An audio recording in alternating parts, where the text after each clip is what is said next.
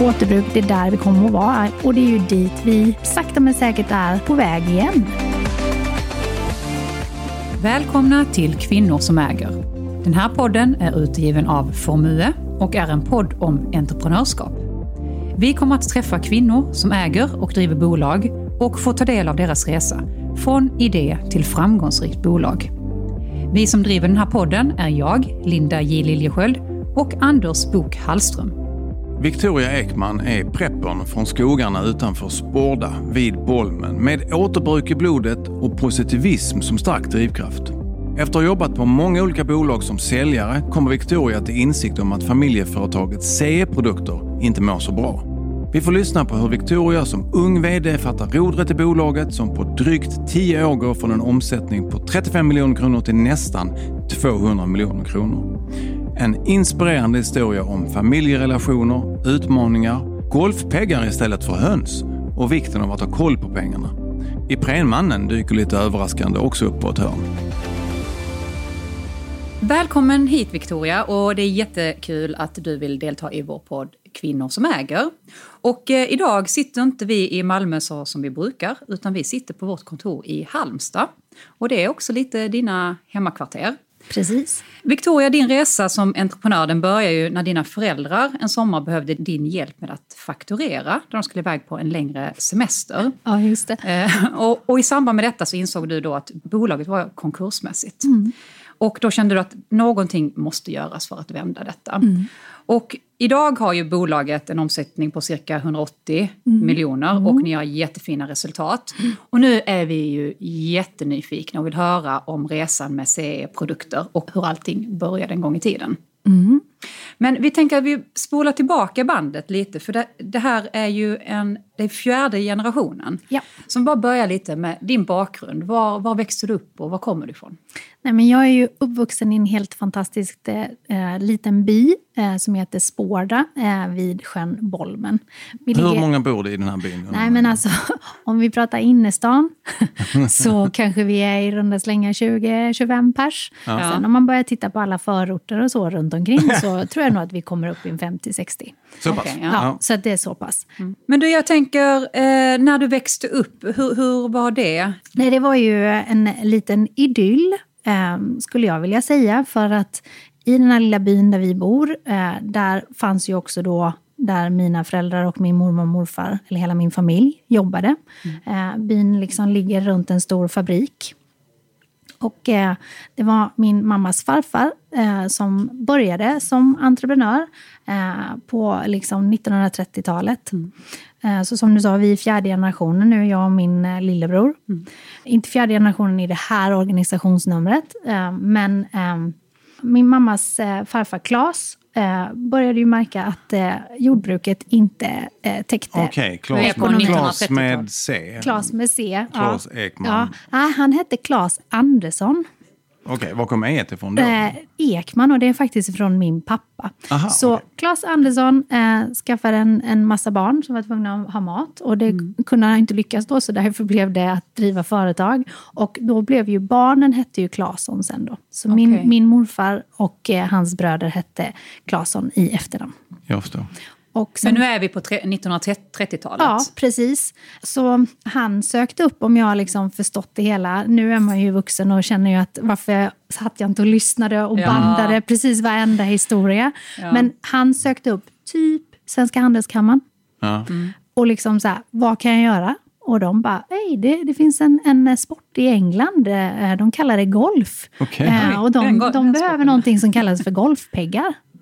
Så han eh, skaffade ju alltså en svarv, åkte hem och jagade ut hönsen i hönsgården och eh, började svarva golfpeggar. Vad häftigt. Ja. Sen hade vi ju en liten jobbig snubbe inne i Tyskland som satte käppar i hjulet för eh, det. Ja. Så helt plötsligt så var det ju ingen som kunde spela golf. eh, De var ute i krig. Eh, Så då blev det ju att tänka om igen. Och då hittade han att man kunde karda textilfibrer. Och textilierna hittade han som ett, en restprodukt i Borås då. Eh, textilmeckat. Exakt. Ja. Så där började vår resa med återbruk. Ganska tidigt. Det var väldigt tidigt. För nu, Ja, vi brukar ju säga att vi hittade på det då. Äh, Det är väldigt ödmjukt så. Eh, Men eh, ehm, nej, så... men hur togs det emot på den tiden då? Jo, men det var ju, då var, alltså, och det kommer vi ju se nu också, liksom 100 år senare eller 90. Liksom att återbruk, det är där vi kommer att vara. Jag menar, min mormor tvättade varenda plastpåse i badkaren. Alltså och gummiband, crème fraîche-burkar. Alltså hon sparade på allt. Klassisk horror. Men hon använde ju grejerna också. Ja. Och det är ju dit vi sakta men säkert är på väg igen. Så historien upprepar ju sig. Ehm, återigen tillbaka till varför trivs jag på landet? Jo, men jag vet att jag kan plöja upp min åker om jag vill och liksom plantera potatis och greja. Nu får jag nästan lite prepper-vibbar här. Ja, nej men alltså, jag har egen brunn med vatten. Definitivt Ja. prepper-vibbar. Ja, men jo, det- men det är prepper. Alltså, j- Och jag är lite åt det hållet lagd. Ehm, så nej, men backa till eh, liksom för eh, nästan 90 år sedan då, liksom, eh, när de började karda textilfibrerna då. Ehm, så blev det ju bolster till sängar, kuddar, eh, stoppning till fönster och, och sen spann det på. Kardning var ganska vanligt då. Det fanns kardverk i nästan varenda liten by. Så det var liksom inget unikt.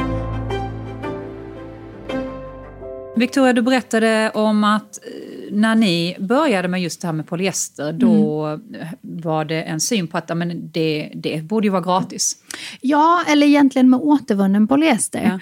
När vi började med återvunnen polyester, de här petflaskorna, vi fick ju nästan inte säga det till några kunder, att vi hade det i. För det skulle vara virgin, det blev en sämre produkt om det var återbrukat. Nu pratar vi liksom sent 80-tal, 90-tal. Nu är det ju ett säljargument. Ja. Oh ja, oh ja, och det är liksom svårt att få tag i. Sen så mm, på, på 90-talet så ehm, tyckte min morfar att eh, familjen hade liksom jobbat klart lite. Eh, så att han, eh, han valde att sälja det företaget. Det är därför jag säger att det här är liksom andra organisationsnumret. Så Tidigt 90-tal så säljer eh, familjen firman till ett belgiskt bolag. Familjen säljer, Ja, ja, men är, Hur är det, många var involverade då i Eh, bolaget? då Och- var det min morfar och det var min mamma och det var min pappa och Mm. min mammas lillebror. Så att det var fyra stycken familjemedlemmar. Eh, min morfar köpte ut två av sina bröder mitten 80-talet någon gång. Alltså- För vad hände sen då? Nej, men de blev ju lite besvikna, även om de fick jättefina titlar. Eh, min mamma var första kvinnliga styrelsemedlemmen i liksom en eh, internationell styrelse. Fick flänga från Belgien till England, liksom sitta med på riktigt fina ställen och verkligen bli lyssnad på. Hon var enormt uppskattad. Eh, min pappa fick roll som vd och liksom jättedrivande för bolaget då under de här åren. Men att gått från till att ha lilla familjeföretaget, eller lilla och lilla, de var stora. Alltså Det är bara några år sedan vi klodde morfars omsättning. Ja, De låg på en 60-70 miljoner right. liksom, när, vi, när det såldes. Så att, eh, det är bara tre, fyra år sedan, sedan vi blev större och nu Ja. snackar vi 90-tal. Så Ja. vi har verkligen kämpat. Men eh, att gå från att typ ha styrelsemöte vid köksbordet, Mm. eh, konstant pågående ledningsgruppsmöte, liksom, till att sitta och bara rapporter, rapporter, rapporter, kassaflöde, kassaflöde, kassaflöde, liksom, även redan då på 90-talet.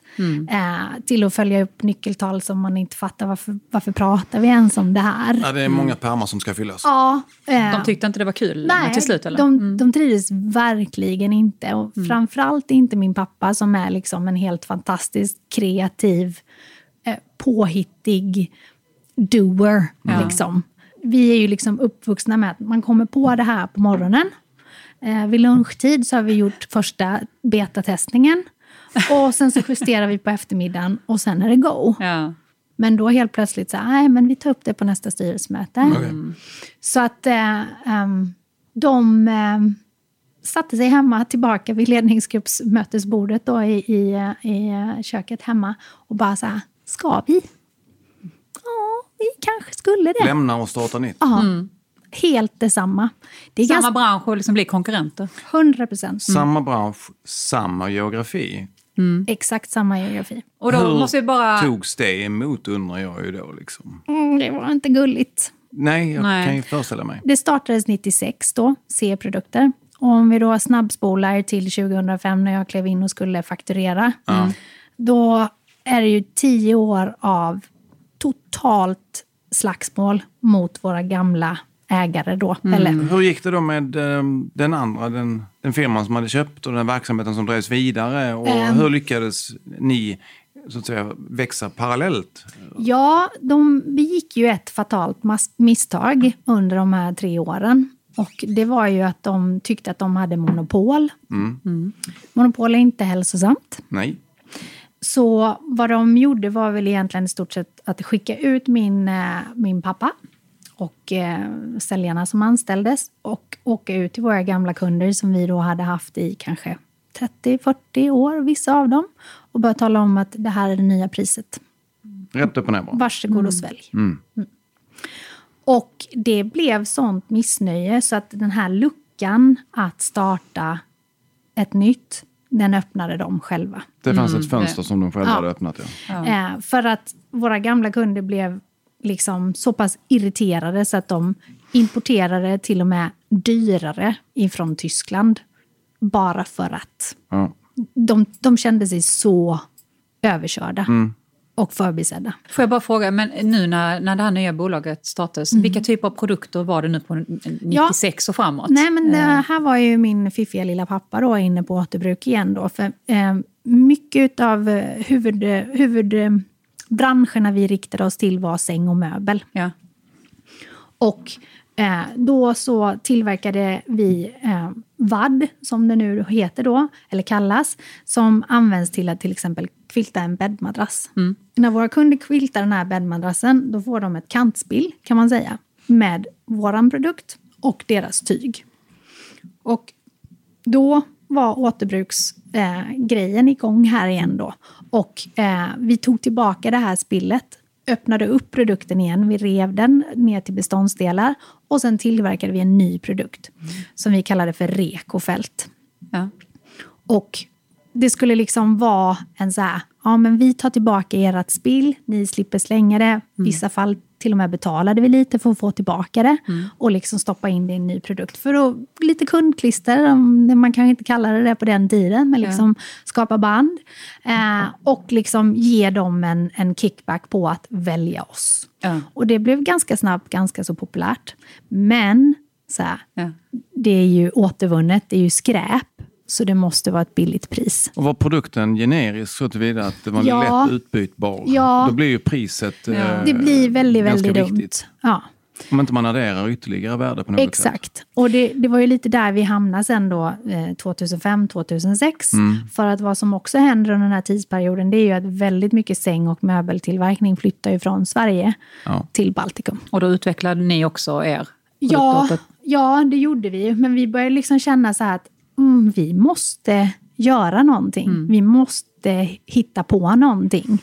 Och eh, min pappa var väldigt, väldigt duktig och snokade upp ett nytt segment. ehm, som lutade lite mer åt tekniska produkter. Och här krävdes det lite brandcertifikat, lite, liksom, ja, men lite paperwork helt enkelt för att kunna få det här. Och helt plötsligt så började vi hamna på kunders ritningar. Det är bra. Och då blev det helt annorlunda. Då hamnar ni lite längre upp i näringskedjan så att säga. Men var detta när du började komma in i bolaget? Det var precis Precis innan jag började komma. Men vi var ju, alltså uthålligheten hade mattats ut. För att det var precis som vi pratade lite innan vi tryckte på play här. Liksom. Det var sommarstugan, det var huset, det var liksom pappas gamla kalsonger som var intecknade. Typ. Ja. Ni hade riskat ganska mycket. Ja, det fanns inte mycket kvar att låna pengar på och banken var ganska ledsna på oss. Men ni hade ändå banken med.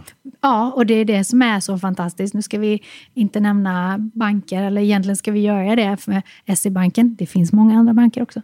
Eh, de har verkligen stått oss bi.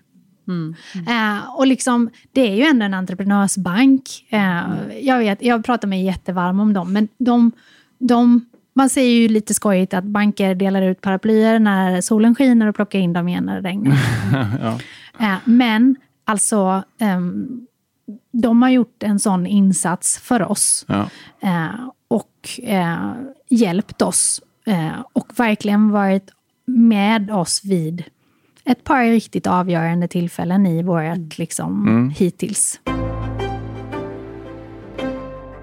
Men innan ni kom dit, för du, du sa att du höll på att bli vuxen själv. Ja. Så du var ute egentligen och du jobbade och, och utbildade på annat håll. Jag utbildade mig, ja, jag, så här, livets hårda skola eh, gjorde jag väl. Eh, var ju lite så då att när man hamnade en inackorderingsrum i Gislaved och eh, ingen curfew eller någonting sånt. Ingen som riktigt höll koll på mobiler hade man ju inte då riktigt på det viset. Så. Nej, precis. Ja. Eh, Så jag var ju ute och levde livet. Eh, Och i eh, redan ettan på gymnasiet så upptäckte jag ju eh, glädjen med att kunna tjäna egna pengar. För jag fick ju en liten veckopeng för att bo där då, men det räckte ju inte långt. Det räckte ju liksom till maten. Eh, Så jag eh, började jobba. Och kanske jobbade mer än gick i skolan. Du tyckte inte det var så roligt med att Nej, studera? och- mina betyg kanske jag inte kommer att vifta med Nej. från gymnasiet. eh, Men jag har lyckats med andra grejer Mm. sen. Men du jobbade en del med försäljning sen? Ja. För egentligen så ville du inte Nej, jobba jag- på familjeföretag? nej, du såg jag- inte alls dig själv där i den Nej, jag, jag såg verkligen inte mig själv där. Ehm, Efter gymnasiet så ehm, jobbade jag lite, för jag visste inte riktigt vad jag skulle göra.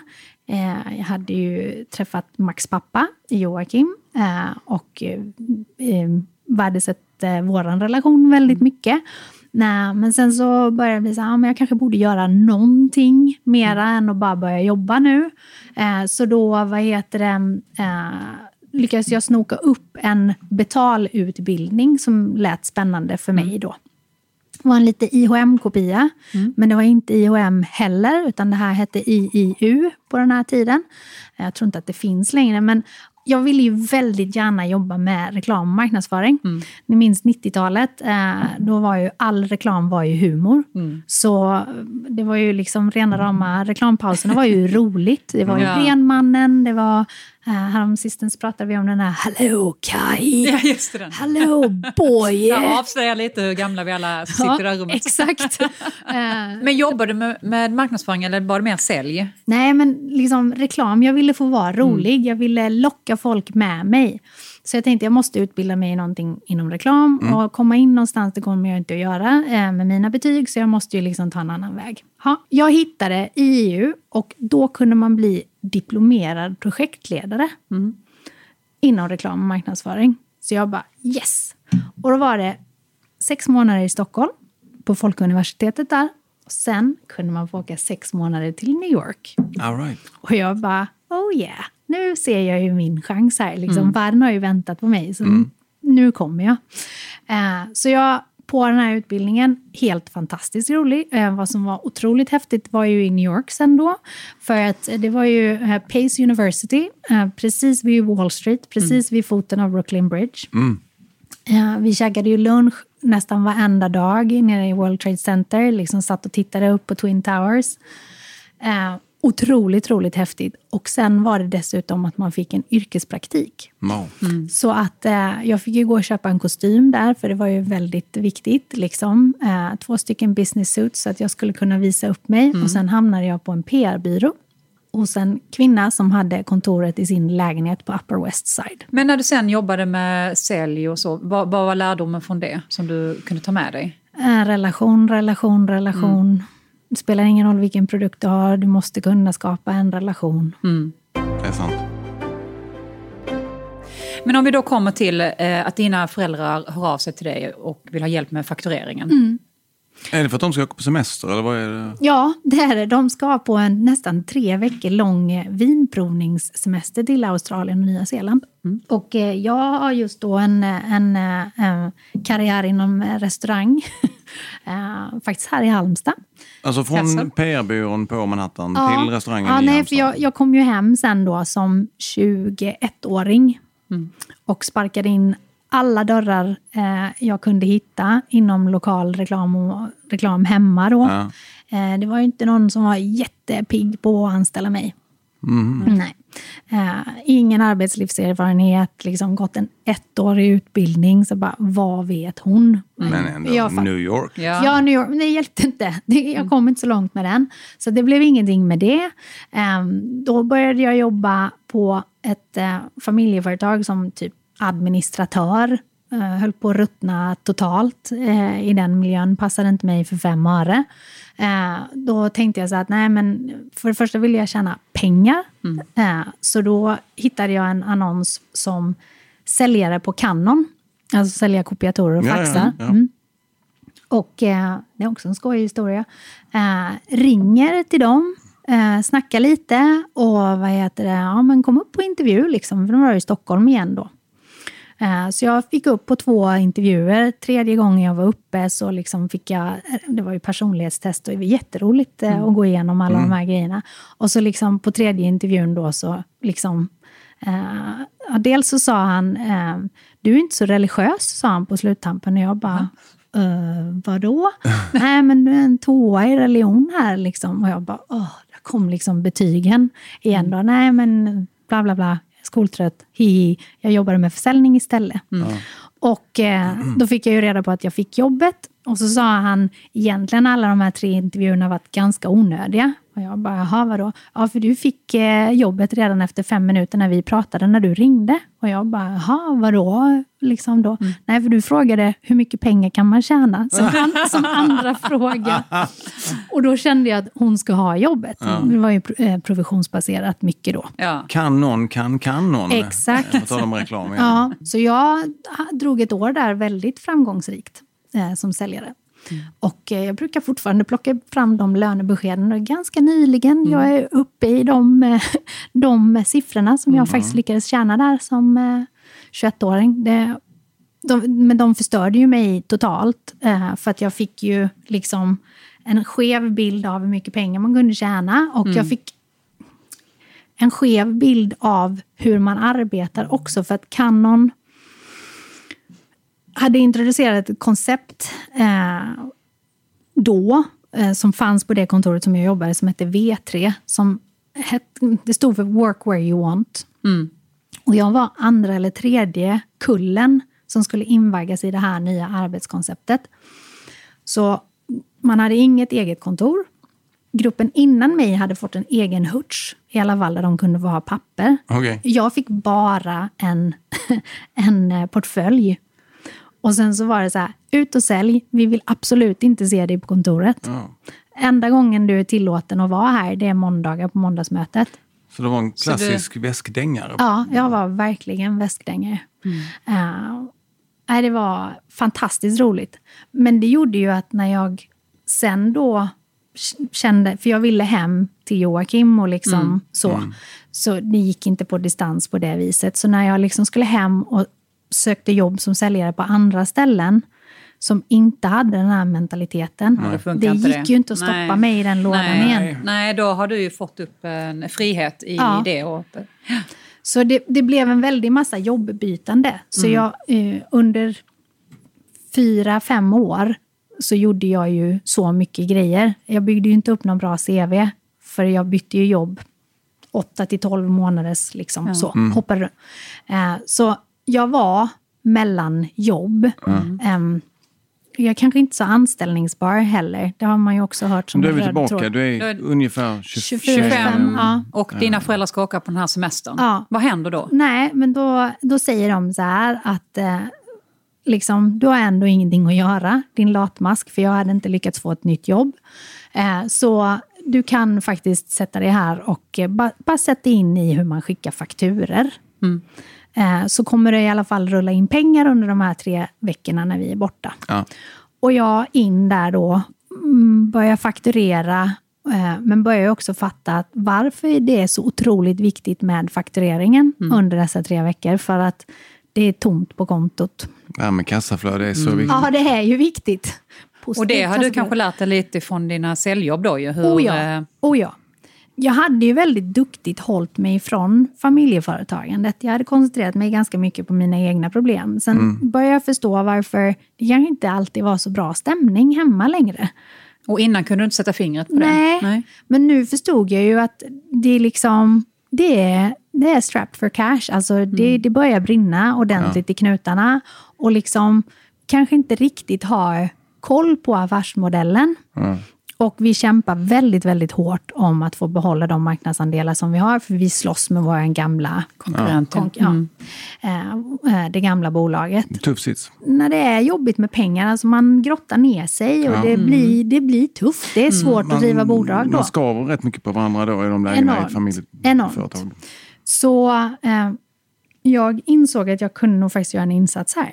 Inte för att jag visste hur man tjänar pengar, eh, men ehm, jag visste att vi behövde sälja mer och att vi behövde få liksom koll på läget. När insåg du att eh, det var ganska mycket som var intecknat? Eh, Eh, nej, men det, det förstod jag nog under hösten där. Liksom, För det här var, pff, vad kan det ha varit? Augusti, september de for iväg eller någonting där. Jag kommer inte ihåg riktigt, eller om det var på våren. Ehm, men jag började ju förstå väldigt, väldigt snabbt. Så när de kom hem, då hade jag eh, målat om deras kontor.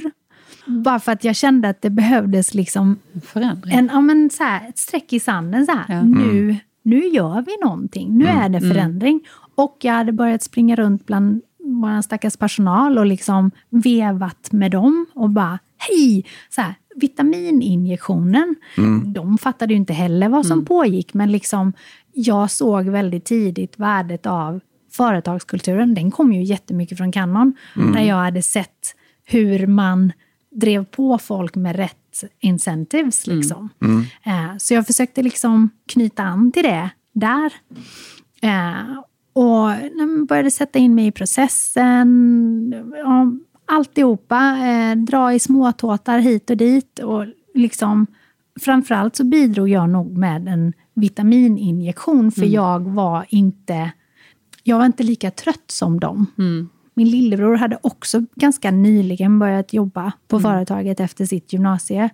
Ehm, så liksom, nej, vi bara nu, nu peppar vi till det här. Och dina föräldrar var helt okej med det, att ni kom in då, både Ja. du och din lillebror? Ja. Du sa någonting eh, häftigt där väl, typ i stil med att eh, ja, men, jag ska få tillbaka era pengar, Ja. ge mig en chans. Ja, jo men det, det var verkligen så. Eh, jag, jag vet eh, på kontoret där så satt jag liksom bara så här. Det är lugnt. Jag upprepade det jätteofta. Lyssna på mig nu. Jag ska få tillbaka pengarna. Bara sätt dig ner, ta det lugnt. Vi löser det här. Vi kommer att göra det. Så modigt för en 25-åring. Ja, måste jag jag, säga. vet att mamma och pappa, de hade, eller mamma var det väl, hon hade ramat in en hundralapp, vi har fortfarande kvar den. Eh, ramat in en hundralapp. Och så brukade hon sitta och så sa hon så här att eh, det är de enda hundra kronorna vi har tjänat. Och dessutom är sedeljäveln inte giltig längre heller, så det går inte att använda den till någonting. Ja, det är nästan som ser nu en tramsig film. Bara stegade jag rakt in på kontoret, slet ner den här hundralappen och liksom skrev en miljon på den. Ah. Och så bara, vi kan inte sitta här och tala om för oss att vi bara har tjänat 100 kronor. För då kommer vi fortsätta med det. Här, en miljon. Ja. Ja, Nu kör vi. det är bra tips för alla som lyssnar. Ja, jo men det, det är verkligen så. så att liksom den, den finns kvar fortfarande. Ett bra tips, gör dina egna pengar. Ja, Ja. Ja. trycka på. ja. Eh, så det, det, det var lite häftigt. Och framförallt så kände jag att vi var liksom tvungna att ena familjen igen och liksom bli glada. Mm.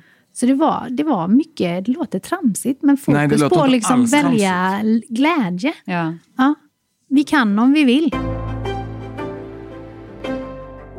Om vi bara tar det framåt lite då. Vad hände sen? Nej, men sakta men säkert så började vi liksom få näsan lite över vattenytan. När jag kom så hade vi alltså negativ soliditet. Jag tror det var minus 0,8 och det är en bedrift i sig. Och ändå ha en fungerande verksamhet. Och ändå ha en fungerande verksamhet. Eh, positivt kassaflöde som sagt var. Eh, det kan gå långt så länge som det är i alla fall positivt. Men dels så hittade vi, för min pappa hade redan snokat upp det här nya marknadssegmentet. Så där var det. Och jag vet ehm, att ehm, eh, vi behövde få ett, ett certifikat via eh, SP, då, Statens provningsanstalt som det hette då. Nu heter det RISE. Det skulle kosta 50 000.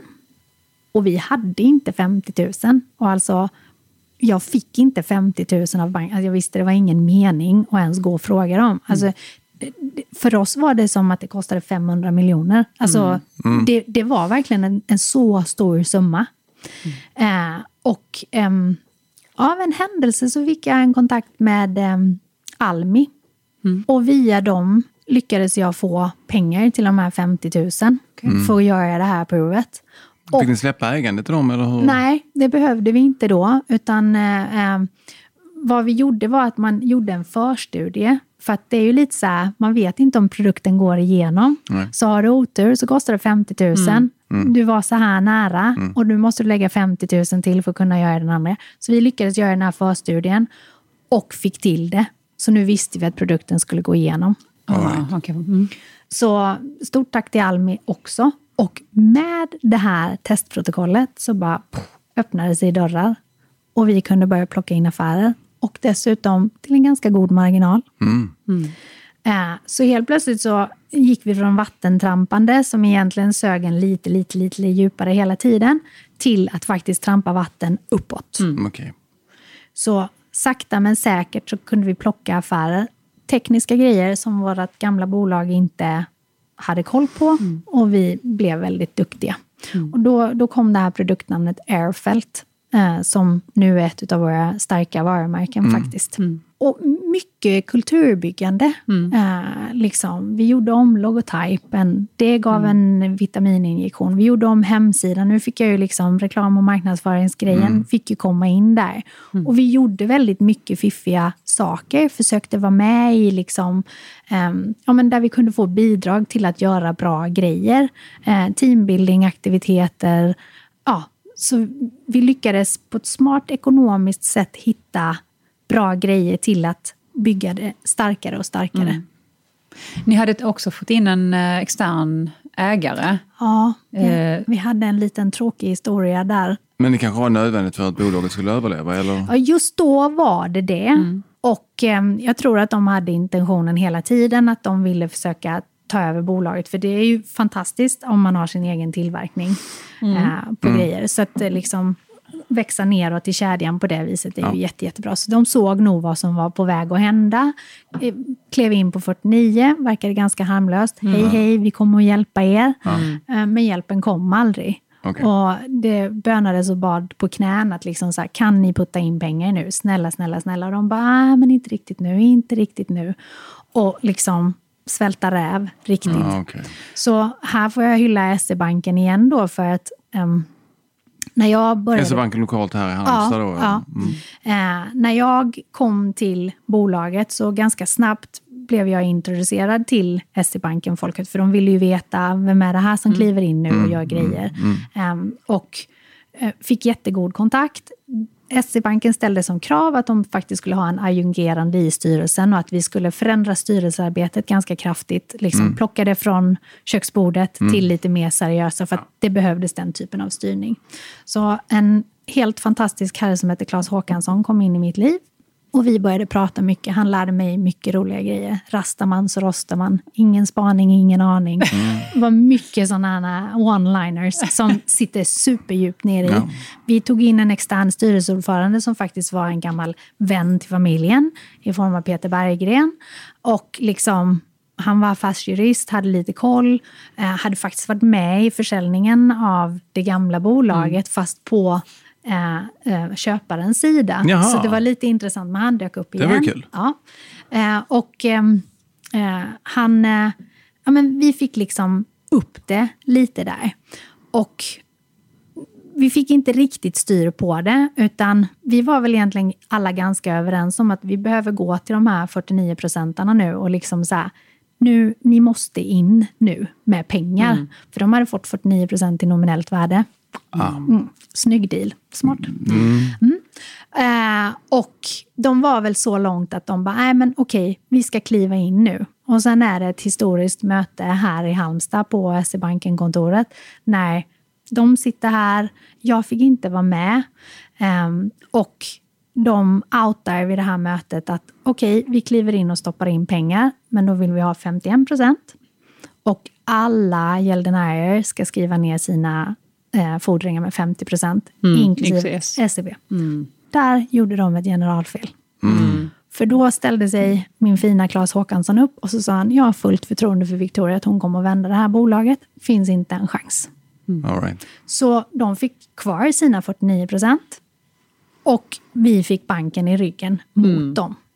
Så nu började ju egentligen då kampen att ta tillbaka de här Ja. 49. Men hur lös- löste ni det då? Det gick några år och ehm, det fanns ett patent eh, på en produkt där eh, min pappa och min morbror stod som meduppfinnare. Och de stod egentligen huvudsakligen på patenten. Så att det, det blev en liten byteshandel där, där de fick patentet och vi fick våra 49 procent. Okej. Då var ni egentligen din familj... Mm. Då var det min, eh, min morbror och mamma och pappa. Och nu var ju, liksom, nu när man hade kämpat så långt med det, då var både jag och eh, min, eh, min lillebror och Joakim, vi var ganska sugna på att komma in och äga. Ja, för ni ägde fortfarande Nej, ingenting? det gjorde vi inte. Och ehm, så länge som de stod på sina 49 procent så ställde de som krav att eh, jag fick absolut inte, jag fick absolut inte ha rollen som vd. De gillade inte mig av någon konstig anledning. Eh, och eh, jag fick absolut inte äga någonting. Mm. Det var extremt viktigt för dem. Men nu kunde lö- ni lösa Nu kunde vi lösa det, så nu började en diskussion om liksom hur vi skulle komma in. Då. Pappa ville väldigt gärna kliva av. Han ville, liksom, han ville Ja. hjälpa till, liksom finnas där, men han ville inte ha någon formell roll längre. Och när liksom började allting vända och bli riktigt lönsamt, skulle Men du det, säga? Mm. det var väl egentligen där, för att det blev ju ett slags vakuum. Eh, när man inte har en tydlig ägarstruktur. Mm. Eh, för har den här den andra kunden inne på 49 procent, liksom det var inte riktigt eh, motiverande Nej. heller. Och sen då hamna i en diskussion om hur man ska göra med bolaget, det sätter också liksom en slags vakuum Ja. över saker och ting. Och nu då, eh, själv, ägarbilden är ju så att det är min mamma på 25 procent, eh, min lillebror på 25 procent, Joakim har 25 procent eh, och jag har 25 procent. Mm. Eh, och nu är vi ju, i, i och med att vi har gjort de här prövningarna Mm. tillsammans, så har vi ju sett exakt hur man inte ska bete sig. Mm. Ja, ja. Lite. Så nu står det liksom, vi är fyra stycken som bara, "Rrr, n- nu kör vi. Mm. Ja. Och det ser man ju verkligen. För nu har ni en omsättning på, är det runt 180 Ja, men, ja, men jag tror miljoner? att vi kommer att hamna 180 någonstans. Det såg väldigt länge ut som det skulle bli över 200 miljoner i år, men Ja. Mm, Next year. next year, ja, you never know. Mm, Men när Ja, du tog över vd-rollen, bara som man får grepp om lite grann en resa du har varit med och och varit en initiativ, eller en drivkraft för. Ja. Vad låg omsättningen på då? Och vilket år var det du gjorde det? Nej, men jag tog över som vd 2012, tror Ja. jag. Eh, och då 35 kanske? Okej, så Ja. på drygt 10 år har gått från 35 till 180. Det är ju Ja. fantastiskt. Ja. Bra jobbat av er alla. Ja, och det var ju därför jag var så peppad på de här 200 miljonerna nu Ja. i år. Då, för att liksom, när jag började 2005, då omsatte vi 20 miljoner och var 20 anställda. Nu såg länge ut att det skulle bli 200 miljoner i år och fortfarande 20 anställda. Och det tycker jag är en jäkla bedrift alltså. Mm, det är det verkligen. Ja. Nu är det ju en sån här uh, intressant fråga, för du har ju egna barn. Eh, Ett. Ett. Ett barn, förlåt. Eh, Ja, han känns som tio ibland. Så att, eh, Och han är tio år ja, gammal. han är tio, känns Ja. som tio ungar. Va, va, är han intresserad av att komma in i bolaget? Mm, ja, han fick frågan av en av våra engelska lever- leverantörer för att han eh, råkade delta på mötet, eh, Teams-mötet för att han satt jämte mig och spelade tv-spel. Och eh, Richard, det här alltså företaget som leverantör har vi också jobbat med sen ja, men urminnes tider. Alltså de har varit med i alla generationer faktiskt. Eh, och eh, Richard eh, liksom vänder sig till Max då och så säger han, liksom, Max, ja, vad säger du? Ska du? Kommer du ta över företaget sen? Eller säger han då. Max är ju duktig på engelska så han säger I don't think that would be a very wise idea. och Richard asgarvar liksom så. Eh, det, det kommer ju ändra sig, eh, kanske, eller inte.